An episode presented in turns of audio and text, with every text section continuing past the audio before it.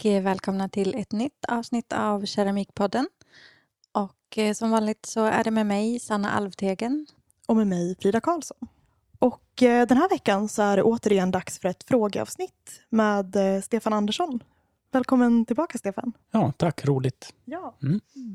Och vi har ju fortsatt att få in frågor kontinuerligt, så det är jättekul. Och vi får också väldigt fin feedback, Stefan, på de här avsnitten. Det är många som säger att du är väldigt pedagogisk och lätt att lyssna på. Ja, det får jag väl vara glad för då. Ja. Kanske hade varit bättre att svamla lite så att man får följdfrågor mera. Aha. Nej, jag vet inte. Ja. Mm. Ska vi börja som vi brukar med att bara så där stämma av lite kort vad, vad vi gör just nu? Det låter väl bra. Mm. Jag tänker att det har hunnit rinna ganska mycket vatten under broarna sedan vi sist pratade. Nu är det ju som ingen har missat coronatider. Jag minns att sist vi pratade så hade vi en eh, sex veckor lång Kinaresa planerad med klassen. Och det mm. är ju avskrivet sedan en tid tillbaka nu. Så vi har fått tänka om en del. Ja, det var ju liksom det stora som skulle hända år två. Att vi skulle åka till Kina och jobba där i Pottery Workshop i Jingdeshen. Eh, ja, det, det var en omställning att ställa in sig på att det inte blev av. Så det var väl en liten sorgeprocess ändå. Men eh, nu har vi fått ta lite nya tag och ja, väl kommit underfund med att det innebar ju ändå mycket mer tid i vår egen verkstad och att vi kanske kan göra saker som vi ändå inte annars hade hunnit med. Och, och nu är du med oss, Stefan, också om dagarna. Ja, just det. Mm. Jag är ju inhoppande lärare på grund av olika sjukdomar, höll jag på att säga, på lärarkårsidan. Så, så jag är lärare igen några veckor här. det är ju roligt, men eh, det är svårt att hinna med allt här i livet. Så det är ju annat som får gå bet då såklart.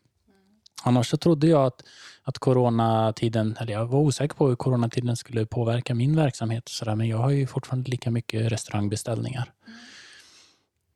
Och privatkunder och sådär som får tid att se. Och, ja. så, att det, så för mig har det faktiskt inte påverkat någonting än. Peppar peppar. Men jag vet ju att det är många kollegor som har det tuffare som har, lever mer på en direktförsäljning. Ja, mer För, butik så eller? Ja, Mm. de blir ju påverkade starkt av det här då. Mm. Ja, om man har eh, liksom resurser för det som restaurang så är det kanske nu man ändå har tid att stanna upp och se över, är det något nytt vi behöver? Ja, det är ju så väldigt olika målgrupper och sådär. Mina restauranger som, jag säger mina då, men den, den typen av restauranger jag jobbar med har ju en exklusiv produkt. Och det är ju sällan den exklusiva produkten som ryker först i sådana här, i min upplevelse i alla fall sedan tidigare händelser som har varit. Vi har, I början på min karriär så var det ju någon form av ekonomisk krasch i England till exempel. Då lyxprodukterna konsumerades ju fortfarande för att jag antar att de som hade mycket pengar fortsatte att ha mycket pengar. Mm. Jag vet inte. Just. Ska vi gå in på lite frågor? Vi har ju lite, fått lite blandat här. Vi kommer att prata lite om vedeldning. Eldning. Vi har ju också två specialavsnitt, kan vi väl kalla det, som handlar om anagramma, där Stefan Ja. också är med. Mm. Men nu pratar vi lite om en annan typ av vedbränning. Lite om att starta eget och hur man får till en produktion. Mm. Mm. Bra bredd på frågor tycker jag. Ja. Ja, det ska bli spännande att se hur jag ska svara på det här. Ja, Ja. Få lite att bita i. ja, verkligen. Det är Ja. roligt. Är du redo för första frågan här? Ja, nu, vi kör. Ja. Eh, Hej, tack för en superbra podd. Tack.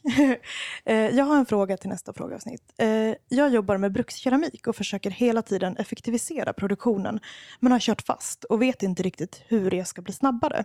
Eh, inom parentes, i alla steg av produktionen. Så jag undrar om ni har några bra tips när det kommer till just produktionsdröjning. Mm. Vad säger du om det, Stefan? Kan du... Ja, när det kommer till produktionsdrejning ska jag säga att, att eh, den drejningen som lärs ut mycket idag på folkhögskolor och kurser och sådär baserar sig inte så hemskt mycket på produktionsdrejning utan på uttrycksdrejning, det unika objektet och så vidare. Så ett bra sätt att lära sig och produktionsdreja det är att titta på folk som faktiskt har en sån typ av verksamhet. Som eh, jobbar på löpande band med sin produkt. Och Det som särskiljer dem är att de kanske inte... Ja, det, är helt enkelt att de kan vara snabbare med varje sak. Man eh, effektiviserar i varje rörelse och sådär. Och för att nå dit, man kan liksom inte gena dit utan det krävs ganska mycket övning men också se hur andra gör tror jag. Men, men några saker som jag kan skicka med det är ju att jobba med måttsticka. Alltså en pinne som kommer ut från utsidan som säger så här högt ska det vara, så här brett ska det vara.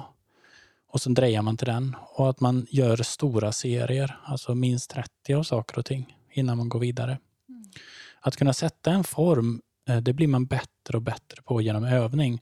Men eh, i början så, så behöver man nöta. Så. Och jag vet ju det att om jag gör en tallrik, de första tio ser ut på ett sätt, de nästa tio ser ännu bättre ut. Och sen om jag får bränna det och göra en gång till senare så blir det ännu bättre. Och så är det ju alltid. då. Mm. Men man måste komma över den puckeln och inte bara byta form. Det tror jag är ett bra sätt att öva sig i hastigheten och dreja. Mm. Men för att öka hastigheten i drejning så måste man också börja rationalisera bort en massa saker. Till exempel då det jag pratade om, den här objektsdrejningen. Då, den bottnar till exempel jättemycket i att man sitter åtta minuter och centrerar leran och sådär. Och det hoppar man över i en snabb produktionsdrejning. Man jobbar inte så mycket med det utan man centrerar allt eftersom. Men det kräver också väldigt mycket kunskap och erfarenhet av lera. Så det, dit kommer man inte direkt. Men ett sätt man kan ta med sig det är att när man kommer till en viss punkt, man har sina grepp rätt, då kan man fundera på vad man kan ta bort. Och sen eh, att man pressar sig själv i tiden hela tiden. För man blir inte snabbare om man inte pressar sig tidsmässigt, utan då stannar man på den hastigheten man är. Då. Så det är ett sätt att effektivisera. Och det gör att dreja snabbare helt enkelt. Men om jag så så här lite krass så är ju tiden med drejskivan faktiskt ganska liten del av krukmakeriarbetet. Så det här gäller ju många andra steg. Och något som jag ser generellt är att man tar för mycket i leran. Varenda gång man behöver lyfta ett objekt eller flytta ett objekt, då slösar man tid. Eh, och dessutom så riskerar man att skapa alla de där små sprickorna och sånt där som mystiskt dyker upp. Då. Tänker du på då när man liksom flyttar lera, alltså flytta ett drejat föremål? Eller? Ja, precis. Då har man en hel bräda full med saker. Då flyttar man den till ett ställe. Sen ska den kunna stå där tills det är rätt, och, rätt tid att beskicka. Det är ju det effektiva sättet att göra det på. Om man behöver flytta den fyra gånger för man inte har plats för det, då har man ju förlorat jättemycket tid. Va? Och så riskerar man också skada godset. Så det ser man ju alltid i sådana här äh, industriliknande miljöer. Då, då har man rullvagnar man ställer på, man rullar undan dem. Sen rör man inte det förrän det är dags att glasera eller beskicka eller vad det nu är. Va? Eller packa. Så där är jättemycket effektivitet att göra. Um, så man kan helt enkelt räkna ut hur många minuter man lägger på godset. Och så ser man vad man kan skava av. Många av de här sakerna när man då när varje enskild produkt blir så här äh, mm, älskad, då blir det väldigt svårt att vara så här effektiv. Utan man får räkna med lite spill och lite svinn då. Man bara kör helt enkelt. Mm. Då kan man jobba mycket fortare. Och så lär man sig med tiden att minska spillet och svinnet. Men man måste pressa gränsen. Liksom. Mm. Man kan inte lära sig att lyfta jättetungt genom att bara lyfta lätta vikter. Mm. Eller man kan inte lära sig att springa fort genom att gå länge. Mm. Utan man måste öka takten hela tiden. Så enkelt tror jag det är. Förstår jag dig rätt? Om, om jag då ska börja produktionsdreja, kan det vara smart att jag har liksom en om jag säger design på en mugg och en på en skål och en på en fat så att jag inte börjar alltså i början? Ja, jag tror att det är en bra ingång för mm. att då, då lär man sig en form och hitta den. För, det, för alla former så finns det ett sätt att göra det snabbt och effektivt. Och Det vet man ju först när man har testat tre olika sätt eller tio olika sätt. Och sen så har du det i bakfickan när du gör en liknande form mm. nästa gång. Då vet du att jag, jag, tar upp leran hit och sen tar jag ut den dit och då är det klart direkt istället för de där tre extra dragen. Då. Mm. Um, men man hittar dit och så mm. kan man ju definitivt tjuvkika på folk på nätet. Youtube är ju fantastiskt för det här att bara se hur gör man? Vilka steg tar den här personen för att få den där formen? Mm. Har du själv eh, klockat när du drejar mycket? Eller? Nej, inte så hemskt mm. mycket. Men jag ser ju hela tiden, jag har en klocka som tickar i mitt huvud hela tiden på det viset. Små barn ska hämtas klockan mm. två och sånt där. Jag har väldigt korta tidsutrymmen att göra saker jämt. Så det har nog pressats så. Mm. Men jag ökade inte hastigheten i min produktion förrän jag började få stora restaurangbeställningar. Då märkte jag att jag var tvungen att göra det och då lärde jag mig att öka hastigheten. Jag kan också nämna att det var Astrid som hade skickat in den här frågan. Jag tror inte att jag sa det. Så tack till Astrid. Mm. Då har vi en till fråga här från Susanne som har mejlat in. Eh, jag är precis i början av min, mitt keramikskapande och har köpt mig en hel keramikverkstad där jag testar mig fram. Har sålt lite bland annat på marknader men inga mängder. När ska jag starta firma? När jag tjänat in alla mina utgifter eller direkt nu och, kan, och ska jag skydda mitt varumärke? Kan jag skapa och skydda ett varumärke utan att starta ett företag? Ja, det här är ju många frågor som jag inte är eh, experten på, utan här har man ju hjälp av Skatteverket till exempel eller Patent och registreringsverket. Och vissa av de här regelverken är så krångliga så att man behöver en extern expert som hjälper en också. Som jurister med Patent och registreringsverket eller, eller en redovisningskonsult eller så. Men jag kan svara lite spontant då, och det är ju att, att eh, om man just har startat en verksamhet så väntar man och jag tycker man ska vänta så länge man bara kan. För att när man väl går över pucken och säger att nu ska jag vara ett företag och lämna hobby då. Det är ju skillnaden. Hobbyverksamhet är när man inte har det som ja, huvud eller verksamhet som man ska tjäna pengar på utan det har en annan funktion. Och Skatteverkets regler är inte luddiga skulle jag säga, men de är liksom lite svårtydbara i en bransch där många inte någonsin egentligen tjänar pengar på sin verksamhet och det är aldrig egentligen är drivkraften. Det finns lite så schablonsiffror på hur mycket man ska tjäna innan man måste så att säga, men man kan alltid argumentera. Så jag tycker man ska, ja, med fel ordval, jag vet ju det, men ducka för att bli ett företag så länge som möjligt tills man känner att man har en ruljans. Um, Sen kan man fråga Skatteverket, då, men jag minns att en gång i tiden, och det här är nog tio år sedan nu, så pratar de om 60 000 i omsättning eller något sånt där. Men egentligen så finns det inga siffror, utan det är när verksamheten är tänkt att vara en inkomst, då ska det bli en sådär. Mm. Men om man, har, om man har just startat så är inte det liksom realistiskt heller, utan då ska man vänta. Det kommer ju, man får ju fördelar, man kan dra av sin lera och sånt där, va? men utgifterna blir i samma proportion. Så man tjänar ju inga pengar på att komma igång för tidigt heller egentligen. Och sätter kanske en orimlig press på sig också. Dödar kreativiteten när man måste producera i en viss takt. Liksom. För man får ju förstå det, för att ha en vanlig lön så måste man ju betala in åtminstone 200 000 i skatt varje år. Så att man måste ju tjäna bra mycket mer än så. Hur länge har du själv haft företag? Var det när, när du började få Jag lämnade, När jag lämnade skolan. Ja. Nej, eh, det blir då tio år sedan ungefär. Mm.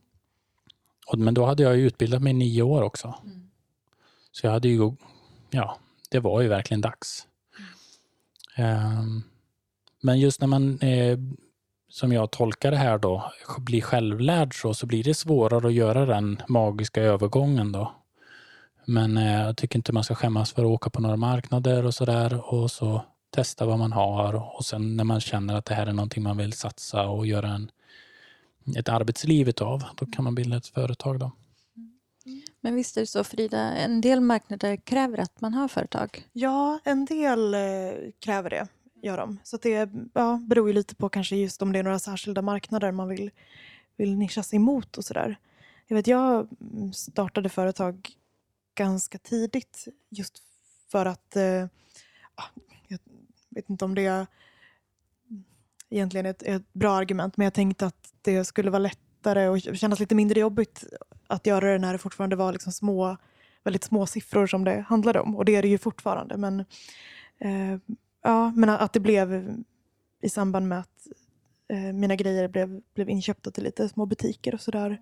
Men jag eh, hade ju lite samarbeten med, med butiker och så även innan jag, jag skaffade företag. Så det, som Stefan säger, att det, det går ju att, att fortsätta jobba ganska länge ändå. Men... Ja, men så fort man ska bli inköpt av någon så behövs det i princip möjligheten att fakturera och mm. sådär. Och då blir det lite klurigare och att inte ha ett företag. Då kan man ju såklart sälja och ta kvitton och så. Men då börjar man tangera gränsen mm. för att vara hobbyverksamhet. Så att då är det liksom en diskussion som man kanske kan ta råd av någon som är mycket mer kunnig än vad jag är på den frågan.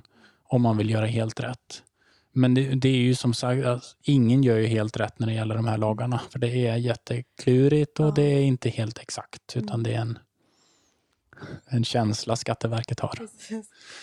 Och jag, skulle, ja, men jag håller med dig där att, att Skatteverket finns ju verkligen till hands och deras ambition är ju att folk ska, ska de vill ju hjälpa en att göra rätt helt Ja. enkelt. Det finns ju Eh. verksamt.se till exempel Precis. som drivs av olika aktörer för Mm. att hjälpa en i de här företagsvalen. Då. Ja. Ja. kan skriva affärsplan och allt möjligt där om man Mm. behöver det för bank och sådär. Um, sen finns det ju också, jag tänker på typ eh, Nyföretagarecentrum och sådana där Mm, ehm, ja, ställen man kan vända sig till. Ja.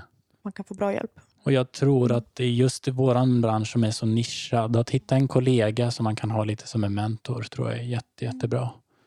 Eh, jag har alltid haft min farbror till hjälp och jag kunde jobba bredvid honom under lång tid och förstå premisserna för verksamheten. Ehm, sånt är ju jättevärdefullt förstår jag idag. Förstod inte det då. När man gräver hål och sånt där och gör tråkiga saker. Men man lärde sig en massa bredvid liksom. Mm. Ja, men bra. Jo, men vi, det var en till fråga på det. Ja. Just det, det är ju det här med Ja, just det. eh, att skydda sitt varumärke och så vidare. Ja, eh, på Bolagsverket kan man registrera sitt företag. Det har inte jag gjort. Så att någon kan ju döpa om sitt företag till mitt namn om de vill. Men jag, jag ser ingen risk i det. För att det är ju ingen kock som kommer kontakta dem via de kanalerna. De kommer inte gå in på Bolagsverket för att få kontakt med mig. Utan de hittar ju mig via mina sociala kanaler och så. Jag är definitivt mycket mer orolig för att någon ska hijacka mitt eh, Instagramkonto, vilket är mitt levebröd. Då. Ehm, så det har inte jag sett någon anledning till. Däremot så är det ju så att i den stora marknaden så, så är ju att skydda sitt varumärke viktigt. Men det här är ju så små omsättningar och en annan typ av relation med kunderna så att jag har inte sett egentligen poängen med det. Eh, Men om man väl kom, vill växa någon gång och tänker att man ska lägga, lägga ut eh, en del produktion till Estland eller Portugal eller något sånt där. Va? Så att det börjar bli ehm, kanske inte så mycket mera vinst i slutändan men däremot mycket mer pengar som rullar runt i företaget. Då blir det kanske viktigare att skydda personal och så vidare. Ehm, så det kan man ju skydda sitt varumärke då. Annars så finns ju någon form av eh, eh, man brukar ju stämpla och signera sina krukor och sådär då. Det brukar man väl inte stjäla från varandra speciellt mycket i alla fall. Däremot så ser man ju att folk försöker kopiera Hamada-krukor och sälja dem med regelbundenhet. Men du signerar inte dina grejer, eller? Nej, det gör Nej. jag inte. Inte sedan fyra eller fem år Mm. tillbaka nu. Mm. Ja. Är det någon särskild? Ja, men det är Anledning, så eller? emotionellt, höll jag på att säga. Ja. Nej, men jag är skolad i många olika... Jag, ehm, jag tror att jag, jag, eller jag vet när jag slutade, det var när jag gick ifrån att tänka att, att jag gjorde någon form av konst till att tänka på mig själv som en hantverkare. Mm. Eh, Då slutade jag. Mm. Ja. För jag tyckte inte att jag hade någon poäng med det. Och jag ja, tänker att det är bara antik, antikhandlarna som tjänar på de signeringarna sen i alla fall. Mm. Jag har ju sålt min sak till min kund i alla fall. Det är faktiskt så att eh, gällande skyddandet av formgivning däremot, det är ju en väldigt rörig grej. Mm. Eh, i bruk, inom bruksgods så ställer det till en hel del bekymmer. Folk hoppar på varandra i alla möjliga format och forum eh, om att man stjäl av varandra och så vidare. Och Visst finns det fog för de här påhoppen ibland, men ofta så är det väldigt lösa boliner. Man har liksom inte riktigt koll på att det mesta har på något sätt gjorts förut på något vis. Ehm, så det där händer hela tiden. Men det här gäller ju mer ett lagligt skydd då. För där finns det en sån här stor moralkaka som vi som grupp, krukmakare, keramiker, skulptörer och så där håller på med varandra. Då. Men lagligt ska man skydda sin form. Eh, och det är Patent och registreringsverket som sköter det. Och det hette förut mönsterskydda, men nu för tiden heter det så här designregistrera tror jag. Eller eh, formgiv, formgivningsskydd. Men det, det, man kan titta på det. Eh, det är yt- som en liten aktör om man har gjort en produkt som typ Bauhaus. Då. Jag bara tog ett namn ur kopierar så är det otroligt svårt att driva ett sånt ärende och vinna det. För att som sagt när det gäller bruksgods som de skulle kopiera då så kan man referera till att under 1700-talet så var det en jättevurm för det här så att alla gjorde det och så vidare. Eh, så det är svårt att skydda där. Däremot så finns det ju möjlighet att skydda saker. Men det kräver experthjälp. För man måste först kolla att ingen annan har skyddat något liknande och så vidare. Mm. I princip. väl, måste väl vara väldigt, ja, vara specifika detaljer på och att det är väldigt, ändrar man en liten grej så gäller väl inte... Nej, precis. Mm. Så det är väldigt lätt att Mm. gå runt de här reglerna. Mm. Vi går vidare Mm. med en ny fråga. Ja, och det här, ehm, den här frågan här rör väl lite din bok, Stefan. Vilket schema ska man följa om man vill skröjbränna i pytteugnen? Sex timmar upp till 600 grader och sen full fart till 980 grader. Gäller det för alla sorts leror, både lergods och stengods? Och sen kommer det en, en till fråga, men den kanske vi... Vet inte om du vill svara på den här Vi, till att börja vi tar den här Mm. först då. då. Ja, det är ett jättebra schema. Ett bra standardschema för all skröjning oavsett stengods, lergods eller vad det nu var, porslin eller någonting annat. 980 är en relativt... Ja, ibland ser jag skröjar som går lite lägre. Jag skulle rekommendera de flesta att skröja till den här temperaturen. Och i vissa leder kanske till och med tål att skröjas högre. Då blir de ju tåligare för glasering och så. Men det får man prova sig fram. Men det här är en bra start. Och det kan man göra i en vedugn likväl som någon annanstans. Problemet med att skröja i en vedugn är att man får ta ut och damma av sakerna från aska som har landat på som, och sådär. Så att det är inte optimalt att skröja i en vedugn, det är det inte. Men det går. Eh, I teorin ska jag säga det att det går att skröja mycket fortare i en sån här ugn. För jag bränner ju rågodsbränning i, i sådana ugnar. Och då har jag bränt mycket fortare än så här. Och då är det, det viktiga är att man tar det långsamt tills man kommer förbi 225 grader i ugnen. Då har man fått ut den här värsta vattenmängden ur krukorna. Mm. Och de brukar sprängas vid 225. Då blir gastrycket så stort i dem så de smäller loss. Då. Så om man har lust att chansa någon gång så kan man bränna fortare än så när man väl har kommit förbi 225. Och då är det inte 225 på någon pyrometer utan vad det faktiskt är för temperatur i ugnen överallt som är det viktiga. Ehm, Eftersom det är drag i en sån här ugn, till skillnad från en elugn, så ventilerar den bort vätska också väldigt bra. Så därför så brukar det gå, gå stiga fortare då. Och när du säger att du tar det lugnt upp till 225 grader, hur, hur lång tid låter du det Ja, men- gå då?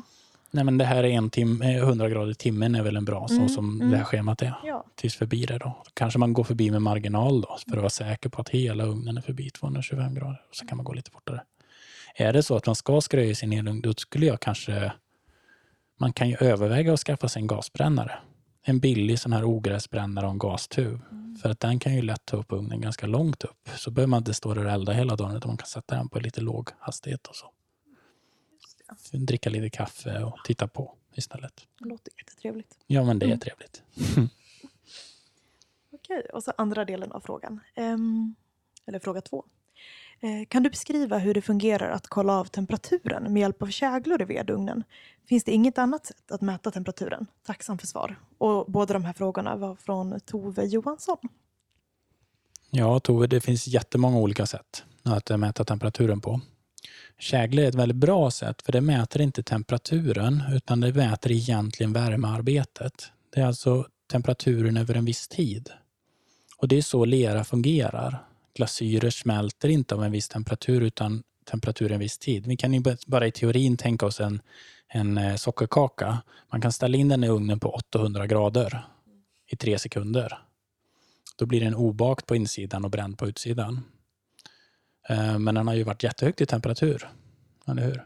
Sen kan man lägga den på 175 grader och ligga i 40 minuter eller vad det nu är på en sockerkaka. Jag är ingen sockerkaksbakare. men det är ganska länge va? Det är det inte det så? låter lagom. Mm. Ja. Och så kan man gå högre och så tar det kortare tid. Mm, så att det, det man egentligen är intresserad av det är värmearbetet. Och eftersom man vet på en elugn till exempel att den tuffar upp i den här takten ungefär så kan man sätta en temperatur och så vet man att då, är, då är, har det blivit ett visst värmearbete under den tiden. Men egentligen vet man ingenting om man inte har en kägla för då ser man värmearbetet. Och en kägla det är bara, ja det är i princip en glasyr som är tryckt i en form. Så enkelt kan man beskriva det. Och ehm, då ser man när den glasyren mjuknar och då böjer sig käglan. Så käglan fungerar som en ja, okulär besiktning sa de i lumpen. Man tittar på dem helt enkelt. När de har böjt sig 90 grader ligger alltså den här ähm, näsan eller vad jag ska kalla det, ligger parallellt med sättplattan. Vågrat alltså, då har käglan gått, heter det. Och då finns det så här kägla 10, 1305 grader vid en stigning på 60 grader i timmen. Så då, då har de alltså visat värmearbetet också. Det är ju visst hastighet. Medan om man stiger fortare så måste man gå högre för att ta kägla 10. Så så kan man göra. Mm. Men om man då vet att det är en glasyr, då kan de som är fiffiga komma på att jag kan ju göra en egen glasyr och ställa där. Så det har jag gjort vid några tillfällen. Då kan man göra små toppar utav glasyren man använder och så kan man titta på den toppen när den smälter ner till en pöl. Då vet man ju när pölen ligger ner så är det klart. Det är effektivt då. Eller om man har en porslinslera i verkstaden som böjer sig eller mjuknar väldigt mycket mm. och så bränner man mycket av den porslinen. Då kan man göra en jättetunn egen liten kägla av porslinet, bränna den och så ser man när den har böjt sig lagom mycket, då vet man att det är rätt bränt. Det kräver ju lite test mm. för att ta reda på vad man gör. Mm. Um, det är enkelt sätt. Sen så är ju um, färgtemperaturen någonting man kan titta på också. Och det gör jag jättemycket. Då. Så man tittar in och så ser man vilken temperatur det är på färgen. Och då går ju färgen ifrån en mörk körsbärsröd på 600 och uppåt och knappt synbar på 600 men på 800 så börjar det bli en orange färg på godset. Och det kan vara svårt att se men om man tittar in i en ugn och så tittar man liksom på skuggsidan av saker eller inuti en skål då ser man den här glöden. Den kommer alltså inte av lågorna som kommer in i ugnen utan det är för att godset själv börjar glöda. Det får gärna någon som är smartare än jag förklara varför den gör, men det gör den. Så går den uppåt. Um, mot orange och sen till sist gul och sen blir den så här vit, starkt gul. Då är man på 1300. Mm. Jag, jag, har för mina egna ögon, om jag tittar in i ugnen och jag ser ingenting först, då är vi på 1300 har jag lärt mig. Uh, men med varningens finger här då, för att man får ju um, skador på ögonen av att titta in på riktigt varma saker. Sådana som svetsar, de har ju skyddsutrustning för det. Nu svetsar de på mycket högre temperatur ska jag säga. Så att uh, det är inte lika skadligt här, men man kan bli trött i ögonen. Grus i ögonen och allt möjligt av att titta in i ugnen. Så det är inget man ska göra i onödan. Eller ja, man ska göra det med till eh, försiktighet, så kan vi säga. Då. Man kan skaffa små tittglas om man ska titta på kägla mycket. Vilket är som ett sotat glas bara man tittar in i. Finns att köpa på järnhandlare och sånt där. Mm. Bra att kunna testa. Och... Ja, men, mm. men du pratar om det här kritiska 225 grader, att upp till det så ska man elda långsamt. Eh, särskilt alltså när man skröjar. Ja. Går det att ha käglor på så låg temperatur eller något annat sånt? Ja, det finns käglor. Eh, nej, men jag vet faktiskt inte om det finns någon kägla på 225 grader. Det borde det göra. Jag har aldrig sett någon. Men det finns långt ner i temperaturen i alla fall. Skröjtemperaturerna finns ju 800 och alla de där också. Um, nej, det går inte, utan då får man gå på med, eh, någon pyrometerhjälp. Mm. Då kan man ju ha en jättebillig pyrometer från någon av de här teknikfirmorna som finns på alla mm. stora ställen. Då. Eh, typ K pyrometrar, de tål ju i regel 1000 grader eller något. Då kan man ju ha dem inne på de låga temperaturerna om man vill ta det lugnt i början. Så plockar man ut den när man kommer över 1000 ja, grader? Ja, precis, för då, de går sönder liksom, om man går för högt. Mm. Eh, förr i tiden, eh, krukmakarna, de kunde ju tittade ju in på glasyrerna mycket också. Man ser ju när de blir blanka. Det kan vara lite mm. svårt att se, men om det kommer in lågor bredvid så ser man hur lågorna reflekteras i och då vet man, ser det blankt ut då blir det en blank glasyr. Eh, och om man inte ser några lågor då kan man sticka in en järnstång och så ser man om den speglar sig. Och jag vet att eh, jag fick någon skröna berättad om en krukmakeri där de öppnade dörren och så stack de in en stång och så skrapade de på krukorna. Och så såg man om glasyren läkte ihop efter skrapet. Då var den mogen då, som de sa. Det är inget jag vill göra på mina 1300 grader. Det blir så himla hett. Men, men det funkar tydligen på de här lergodsbränningarna som de gjorde då. Testa med försiktighet, vad vi säga. Ja, man behöver inte vara så rädd för att misslyckas, tänker jag. Utan man kör bara och så ser man vad som händer. Mm. Mm. Eh, sen har vi en fråga här också om sten. Eh, vad ska jag tänka på när jag ska välja sten till att bygga en egen vedeldad ugn?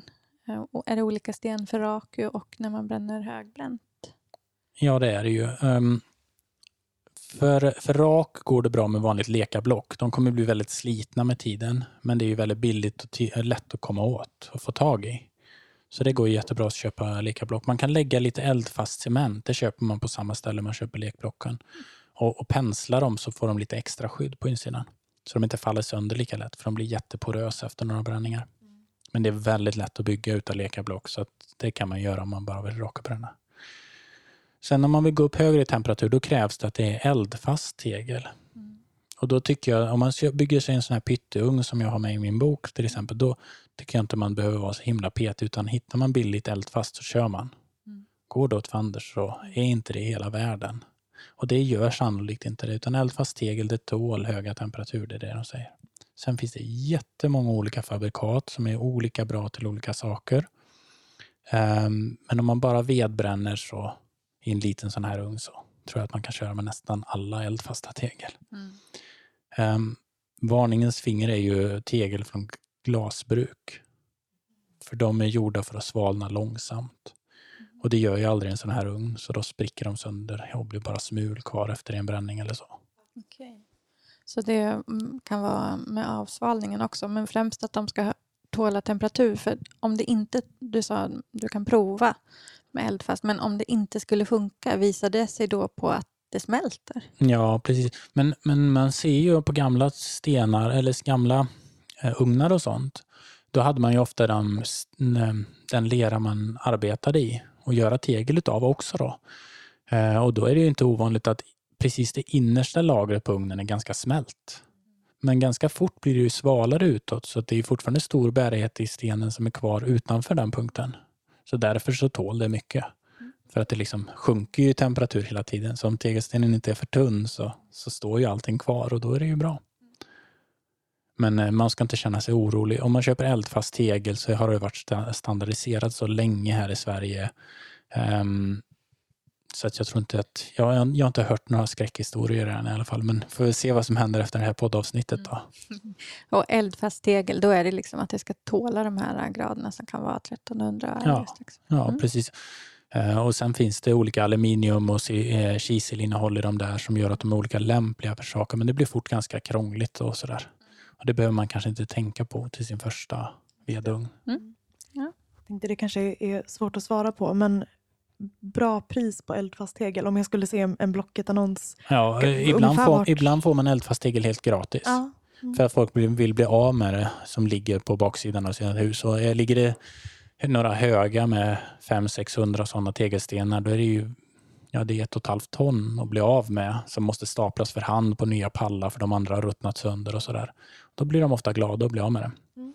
Men det där har minskat ganska kraftigt faktiskt för att industrin som de här kom som spillsten ifrån, de har ju börjat gå över mer och mer till gjutmassor och så. Så att det är mindre och mindre stegel också, tegel också. Så det kanske blir en bristvara i framtiden, ja, vad vet jag. Men, eh, men, men för att säga något om pris då, så om man kan köpa köpa, jag kan säga så här, köpa en ny sten, den billigaste, kanske i krona eller något sånt där kanske den heter. Um, ligger väl på 25 kronor stenen eller något sånt där. Så kommer man undan med att köpa det för 10 kronor stenen, då ska man ju vara glad tänker jag. För den är inte dålig bara för att den har legat i en trädgård och haft mossa på sig i 20 år. Den, den påverkas inte av det. Um, ja, mm de har ofta en färg också som är lite gulaktig, inte den här röda stenen. Man måste lära sig se skillnad på mm. rödtegel som husen byggs av, skorstenar byggs av och så eldfast tegel som har den här orangea, gula, bleka, beiga mm. färgen. Då. I regel. Ja. finns ju undantag. Lära sig den hårda vägen. Men om vet man inte hittar, då knackar man loss ett hörn, lägger det i en skål, kör i sin egen ugn till 1300 grader eller 1200 har den inte smält något i kanterna, då är den jättebra. Mm. Ja. Mm. Perfekt. Mm. Perfekt. Mm. Får vi önska lycka till alla som jagar tegel. Mm. Mm. Då har vi en fråga från Maja som undrar om rökbränning. Eh, hon undrar om godset måste vara skröjat innan man rökbränner. Nej, det måste den ju inte. Men det är så mycket lättare saker riskerar att sprängas och det är framförallt de där 225 graderna jag pratade om. Mm. Um, vi har jättemånga kulturer där man har eldat i stora högar med ved och sådär. det kräver jättemycket skicklighet i hur man placerar krukorna så att de blir uppvärmda på ett bra sätt och i lagom hög ta snabb takt och sådär. Ofta är det ganska varma länder också så de har ju kunnat soltorka under jättelåg luftfuktighet långt innan också. Så att eh, skröja det är att föredra, mm. Skulle jag säga. Lättare att jobba med, större chans att lyckas. Ja, och här kommer en ganska nischad fråga faktiskt. Från Anna Persson. Hej, jag är kakelugnsmakare och får ibland uppdrag att tillverka replikor med både rätt blänka och krackeleringar. De krackeleringar som jag får fram av att eh, ta ut godset för tidigt eller öppna ugnen blir inte likadana som på 1700-talskaklet. Och den metoden funkar olika på olika leror. Har ni något tips på glasyr? Halvmatt eh, till matt med krackeleringar. 1000 grader högst. Helst. Från Anna Persson. Okej, en kakelugnsmakare. Har du, har du några tips? Ja, men det var väl en rolig nischad fråga här. Ehm, ja, att återskapa precis vad de gjorde på 1700-talet är svårt. Ehm, framförallt tror jag att en del av den kracken som har kommit kommer av tid också. Och det är ju lite klurigt att härma. Så, och, um, när det kommer till glasyr kan jag egentligen inte ge några tips om så. Jag kan säga så här att man ska prata med sin återförsäljare och se vad de har för glasyrer. Och vi har ju flera stycken i Sverige. Och om man har tur då så ringer man till någon som faktiskt har väldigt mycket kunskap om sina glasyrer också. Och då, då kan de hjälpa en att hitta rätt. Det jag kan säga är ju det att många av de här glasyrerna, om de är så gamla, det är ju blyglasyrer och det är ju eh, reglerat ganska kraftigt idag hur man får använda det och vilken sort och, och så vidare. Um, så jag vet ju att kollegor har köpt upp lager av gammal blyglasyr bara för att ha kvar och sådär för att det försvann de här med rätta också ska man säga, för det var ju en stor skaderisk för både kunderna och de som arbetade med det. Då. Um, så så kan man göra. Och här har ju personen redan börjat vara lite fiffig då och chocka sin keramik helt enkelt. Uh, och det finns ju uh, många faktorer man kan göra där. Man kan ju öppna tidigare som personen gör. Man kan också slå hett vatten på dem direkt efter eller efter ett tag och se om man kan chocka dem på olika sätt. Risken är väl att man skadar dem. Efter man har tagit ut dem? Ja, om man tänker sig att det här är spänningar som finns i glasyren. Det är ju det som blir sprickor senare. Eh, eller kanske direkt ibland. Men ofta om man plockar ut något ur en varm ugn då ser man de stora kracken och så växer de små fram. Jag vet inte om ni uppmärksammat det någon gång, men så brukar det vara. Då kan man chocka fram det på olika sätt. Då. Eh, för det är ju spänningar som finns i glasyren som händer efteråt. Då. Men, men man kan inte liksom, då ska man göra det direkt när man har plockat ur det mer eller mindre? Hela alltså, jag har ju sett folk som gör helt fantastiska saker att styra hur kracken bildas genom att plocka ut heta och lägga vattendroppar på för att det ska vara födelsepunkten för kracken och sådär. Mm. Jag vet inte hur bra det funkar utan det här är ju så här, sånt jag har hört och sett mm. och sådär men aldrig tillämpat själv. Men mm. Det finns ju knep liksom som folk gör. Um, att få de gamla uh, är ju någonting som görs med bravur, i, inte minst i Kina, liksom, att få saker att se ut som uråldrigt. Då. Mm. Man lägger olika syrabad eller gräver ner i jord över en, ett halvår och sånt där då, för att det ska hända grejer med glasyrerna. Um, men, men syrabad är ju någonting som tillämpas jättemycket i vissa delar av världen. Att man lägger framförallt till exempel eh, kopparglasyrer i syrabad för att bli av med hitskiktet så att man ska få andra färger och sådär. Då. Det pratas det inte så mycket om utan det ses lite som hemligt. då. Men nu har vi förstört det igen. då. Precis. Ja. Ehm, men det man kan göra med en och samma glasyr, så kan man säga, det, det har ju personen redan identifierat, att olika leror ger olika effekt, så man får göra en karta av olika leror. Då kan man ju se om kracken är mellan två leror, så kan man ju testa att blanda de två lerorna och se om man får den kracken man är ute efter. Men tid eh, är också en faktor i ugnen. Nu kommer vi tillbaka till det här med värmearbete. Om man Eh, det här, har jag, det här har jag själv gjort en hel del med att få rätt typ av krack på mina saker. Det är att ändra brännschemat. Om det är så att en glasyr i det här fallet ska brännas till 1000 grader eller 1080 eller något sånt där. Låt oss säga 1000 då eftersom det är personens exempel.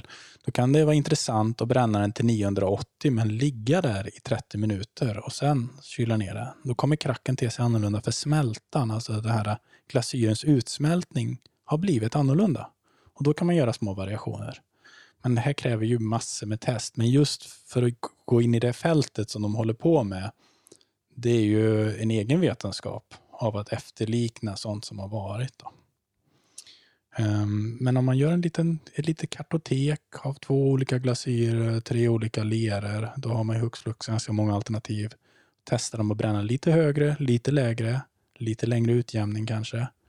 Så har man ganska många olika uttryck då på det där. Så så får man nog kanske liksom systematiskt jobba sig fram. Vilket spännande arbetssätt att liksom försöka efterlikna något som redan finns. Och klurigt. Ja, klurigt, men det är också på den grunden som mycket av modernt krukmakeri vilar. Mm. Det har ju ständigt hittats gamla skärvor som man har försökt e- efterlikna. Och, Mm. Och nu med kemins hjälp så kan man verkligen förstå vad som har hänt och sådär. Och så mycket myter och tankar och drömmar som har varit bundna till det här. Mm. De här mystiska effekterna som liksom på något sätt stegvis faktiskt koms fram ganska bra via internet. Då. Nu har vi löst den här nöten och så sprider man det Mm. istället. Då. Mm.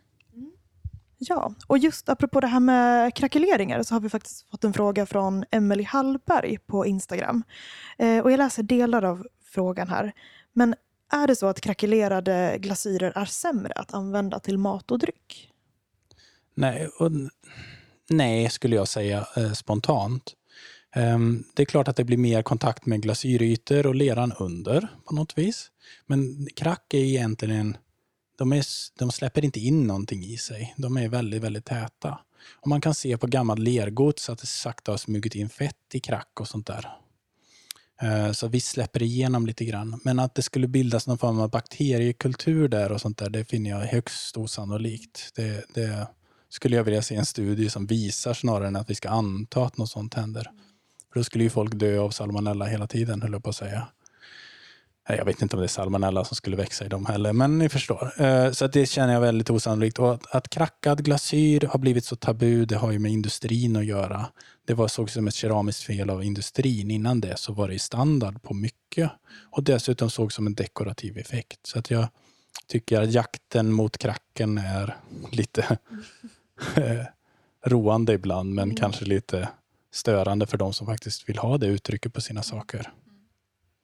Det kan ju bli liksom att blåbärssoppan eller kaffet eh, syns i klacken men man kan ju också se det som, som något man gillar, att det ser använt ut. Ja, idag framför allt så är ju just använda uttrycket väldigt uppskattat, så att det kan man ju se. Men sen, sen är det ju så att vissa glasyrer, de blir ju aldrig bra bruksglasyrer och vissa blir det. Och det får man ju bygga upp en erfarenhet om. Vilka glasyrer funkar bra att använda? De sekundagrejerna ni har, ta hem dem och använda dem och så ser man om det skrapar av sig eller färgas in och hur det blir. Och så kan man väl snabba på den processen om man vill sälja det som, som krackat genom att färga in kracken till och med. Det finns ju långa och stora kulturer av att färga in krack också för att få olika färgskiftningar i saker. Som Mm. K-glasyrerna i Kina till exempel. Jag tror de kallas så, Koan eller något liknande. Som är då en ljusblek blå celadonglasyr som är ganska matt. Så fick den stor, idén var att det skulle vara långa kracks på den som de färgar in med rött bläck till exempel eller rött te.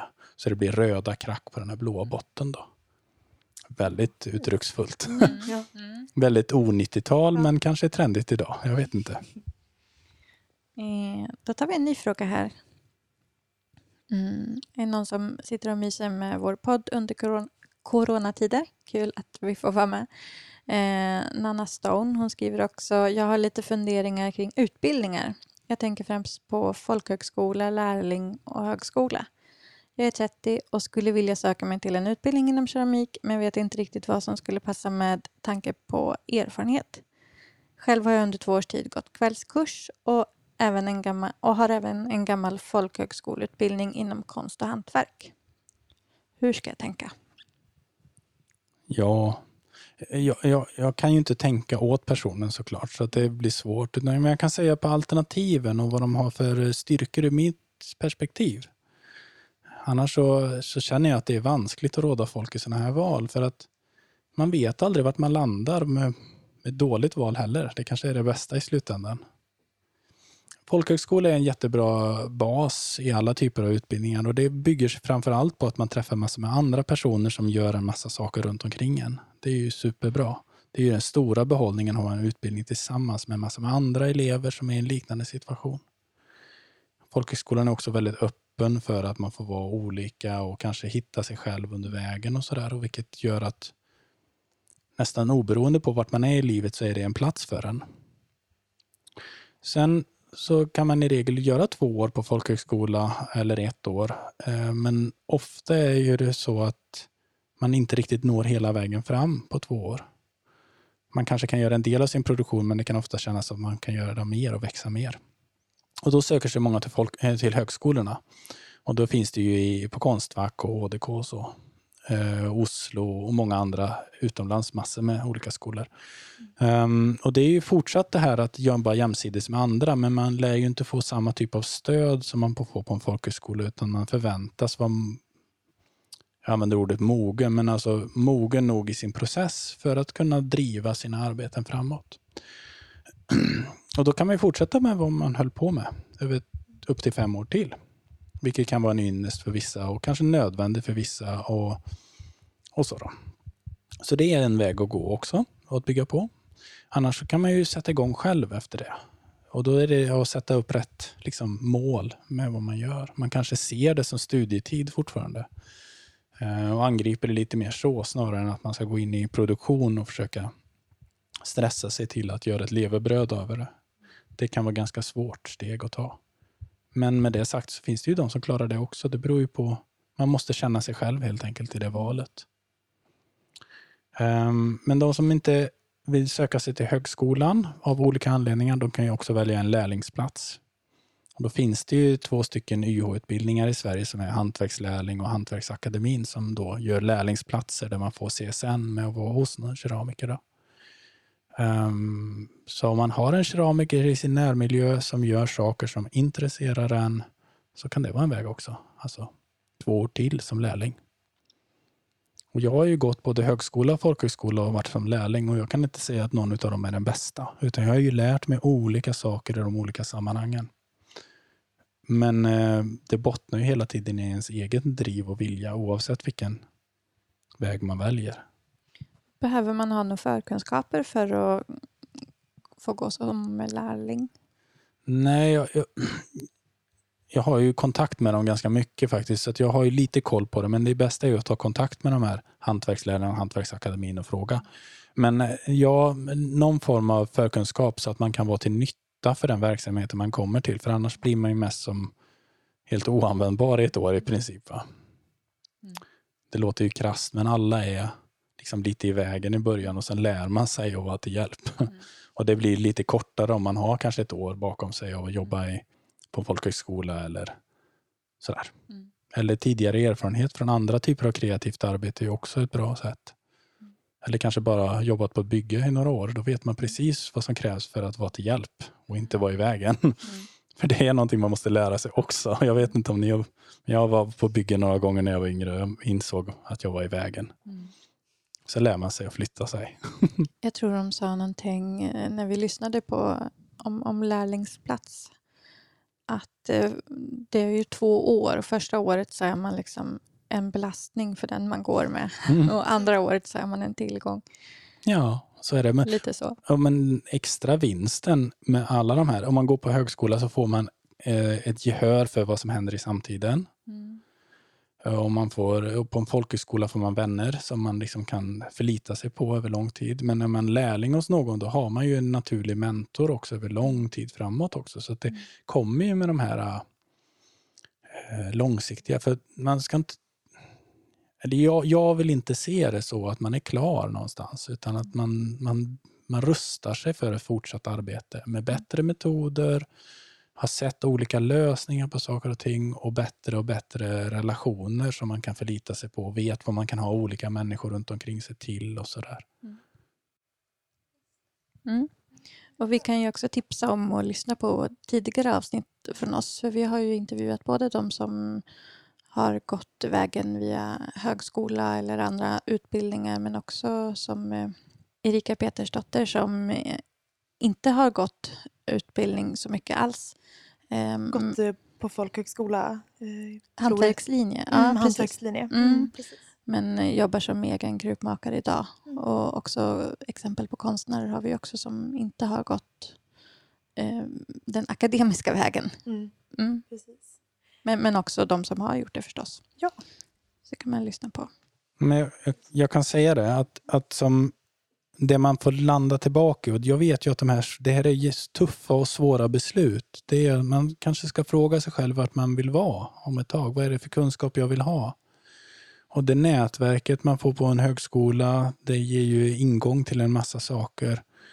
Um, för man måste förstå att um, den här utbildningen är ju inte bara att man själv lär sig, utan det ger en kontakter och um, hjälper folk att eh, se ens kunskap.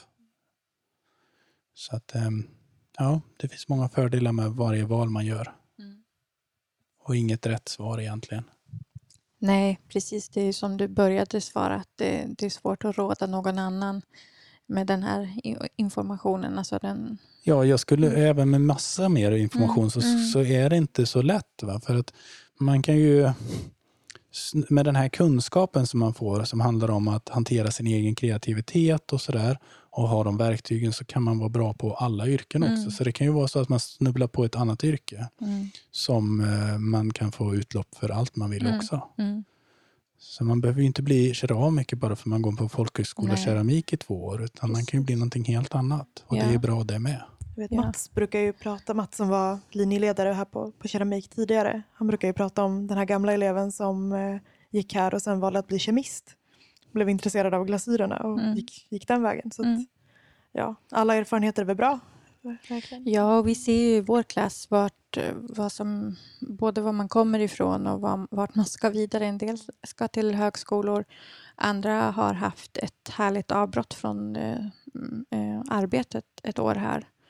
Eh, och, och, vissa bygger upp själva och andra funderar på lärling. Det, det, det finns lika många steg vidare som steg in.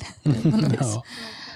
Mm. Jag hoppas att vi har kunnat eh, ge lite mer kött på benen eller ge den här personen lite att fundera på helt enkelt. Så mm. Vi har nog bara se... gjort henne mer förvirrad kanske. Mycket möjligt. Ja. ja. Men kanske lite... Tack för frågan ska jag säga då. ja. Lite i alla fall om vad folkhögskolan ger och vad lärlingsplatsen mm. ger och vad högskolan kan ge. Tycker jag. önskar mm. Nanna lycka till i sina vägval.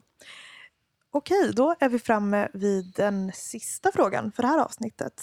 Eh, och då är det någon som efterlyser tips på bra böcker inom keramik utöver, utöver Stefans bok och glasyrboken. Det var väl den kanske som du bläddrade i i något annat frågeavsnitt? Kan det Nej, vara? jag tror att det är Anders Fredholms. Det är Anders Fredholms glasyrbok. Ja, det ja. tror jag säkert hon ja. refererar till. Mm. Mm.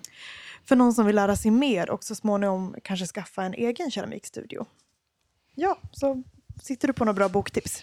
Han plockar fram sitt bibliotek ja. här, Stefan. Vad bra, då ska vi fota de böckerna och lägga ut på Instagram. Ja, några, några böcker får ni hitta på nätet också, för de har jag inte mm. i egna kopior. Jag, jag plöjde ju jättemycket böcker precis när jag började här på folkhögskolan. In, först hade jag två år och jag inte läste någonting. Min lärare undrade nog om, han, om jag ville lära mig eller inte. Och Sen kom jag i ett läge helt plötsligt där jag tog allting. Liksom. Och så fastnade det som tur är, för då kan jag sitta i en frågeavsnitt här nu då. Nej, men eh, skämt åsido så är det så att böcker kan vara ett stort stöd. Många hittar ju sin information via andra kanaler idag. Så att mm. Youtube har jag ju lärt mig otroligt mycket av på de senaste tio åren också. Men jag har några boktips. Um, um, ska vi se. Jag tänkte börja med en bok som heter The Ceramic Process.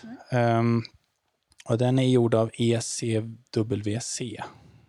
Den får ni fota tror jag och ge till spänn. Det är en jättefin processinriktad bok som är skriven egentligen. Den är väldigt teknisk på något sätt men är lättuppslagen. Och då har de haft keramiska tekniker på ett center, keramiskt center, jag tror det ligger i Nederländerna. Dit det kommer konstnärer från alla möjliga fack och sådär och så gör de saker där över tid. Så det är stora verk och allting. Och de går systematiskt igenom, så här gör man för att bränna det här, så här går det till. Och Det är också där till exempel som jag lärde mig att vattnet sprängs först vid 200 grader så man kan torka ut gods på 150 grader. Det är ingen fara. Mm. Och så vidare. För de har gjort systematiska tester och haft ja, men sådana som är silikatkemister på plats till hjälp för att räkna ut det. Så det är en väldigt intressant bok eh, som, som jag tror egentligen var någon form av milsten i, i den här typen av litteratur och sakligt faktiskt lite vetenskaplig, på vetenskaplig grund eh, ha en massa påståenden och sådär. Ja, det blir ju mycket viskleken annars sådär. Man har hört att någon har sagt att det är Ja, absolut precis. inte Men här har de Mm. gjort liksom tester och systematiskt och så är det testat på de här de, flera riktigt namnkundiga eh, keramiker och andra yrken då, som, som har gjort saker med de här. Så att vi vet ju att det funkar eh, och det är inte bara ett teorimonster så att säga. Utan, och det är en jättetrevlig bok att bara bläddra i och läsa i. Och sen, så när jag ska slå upp så använder jag The Potter's Dictionary of Materials and Techniques av Frank och Janet Hammer. Eh, jag har femte utgåvan här, men eh, det finns ju många fler utgåvor. Jättebra för att slå upp alla ämnen. Vad är det här för ämne? Men den går också igenom basord och mm men som till exempel om han har problem med sina pipar på sina tekannor så finns det spouts i den här man får slå upp. Man krävs ju att man kan lite engelska uttryck då, men de lär man sig fort tror jag om man bara bläddrar. Olika sprickor vet jag man kan slå upp i den där. Ja, alltså, varför får man de här sprickorna? Den boken har inte jag med mig, men det finns en bok som heter Ceramic Faults, tror jag, eller sånt där, som bara är sprickor och blåser. En två- 250 sidor eller något sånt där, sprickor och blåser. Mm. Varför händer de? Ja. Mm. Det, det är spännande. Men den, den kan jag rekommendera. Det är liksom som fack, det här är uppslagsverk hemma hos mig. Ceramic Process och The Potter's Dictionary. Ehm, sen har jag li, fått lite intressen för andra saker. eh, och något som jag själv gärna uppmanar folk till det är att leta efter glasyrer i mellantemperaturskiktet. Alltså att man slutar gå upp till 1280 och sådär och så börjar man nöja sig med 1220 och så. Okej. Så mid-range glazes säger man på engelska i, i USA. Då. Och I USA finns det ganska mycket arbete runt det här just nu. Eller har varit sedan 10-15 år tillbaka. Och då finns det en man som heter John Britt där, som är liksom lite av en glasyrguru, eller vad vi ska säga då, som har gjort det här väldigt systematiskt. Han har gett ut en bok som heter The Complete Guide to Mid-Range Glazes. Det kan ju vara en ingång till det, men det finns många andra bra böcker också. Och den har inte jag läst, men jag skulle vara sugen på att läsa den, för jag är lite nyfiken själv på på vad kan jag få för glasyrer där nere. Det borde kunna gå att få mer färgintensivt men fortfarande stengodsets styrka och så vidare. Ehm, sen om man inte vill dreja och sådär, då skulle jag rekommendera en bok som kom ut ganska nyligen som heter Mastering Handbuilding av Sunshine Cobb. Att bara få heta en sån sak gör ju att man har framgång i livet tänker jag. Eh, Men den är jätte, jättefin. Så. Hon, hon bygger saker och hon bygger i typisk amerikansk anda, vilket är lite roligt att se. Det har ju sitt eget uttryck, liksom. man kan identifiera det. Det kan ju vara roligt för folk att inspireras av, tänker jag.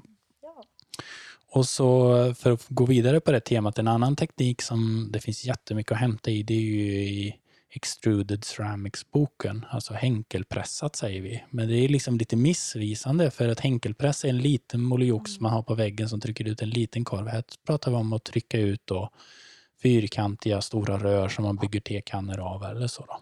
Och då finns det den här Extruded Ceramics utav Diane Pancioli kanske hon heter. Låter italienskt kanske i påbrå. Hon är säkert amerikan, men jag, jag är inte så säker. Men det är böcker som jag kan tipsa om. Ja. Sen finns det jättemycket fina nya böcker och man ser att kvaliteten på keramikböcker har verkligen stigit till nya höjder de senaste tio åren.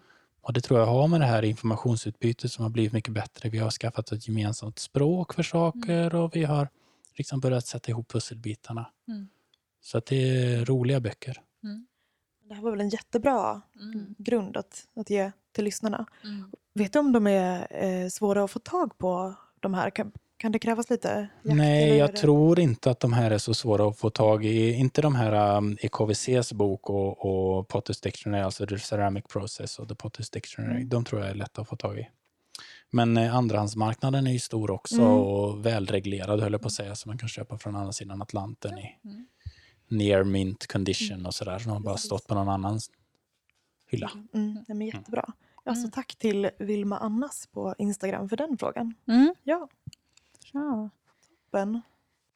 Då tror jag att vi får avsluta för den här gången. Ja, Mm. drog vi ut för mycket på det den här gången också? Nej, en timme och strax över en timme. Det blir jättebra. Mm. Stort tack då för att du Ja, det var roligt, roligt att ja. svara på de här frågorna och roligt med den här bredden också. Mm. Jag är ledsen att jag inte är Skatteverket, men Men jag hoppas att man gav liksom lite ingångar i hur Mm. man kan tänka och Mm. gå vidare sådär. Mm. Men Mm. jättebra. Det gav, gav mig lite nya tankar och idéer i alla fall. Så. Ja. Mm. Ja, Man får Ja. komma ihåg det att Skatteverket är inte här för att stoppa oss från att ha verksamhet utan att vi ska kunna betala vår skatt och sådär. Mm. Ja, Ja. det, det var det första jag lärde mig när jag startade företag. Att Skatteverket är där för att faktiskt hjälpa mig. Men inte där för att sätta dit mig. De är där Nej. för att, Nej, men man har gärna mig. den känslan hela livet sen. Men ja, mm. Ja, Nej. Stort tack jättebra. Stefan. Tack Stefan. tack så mycket.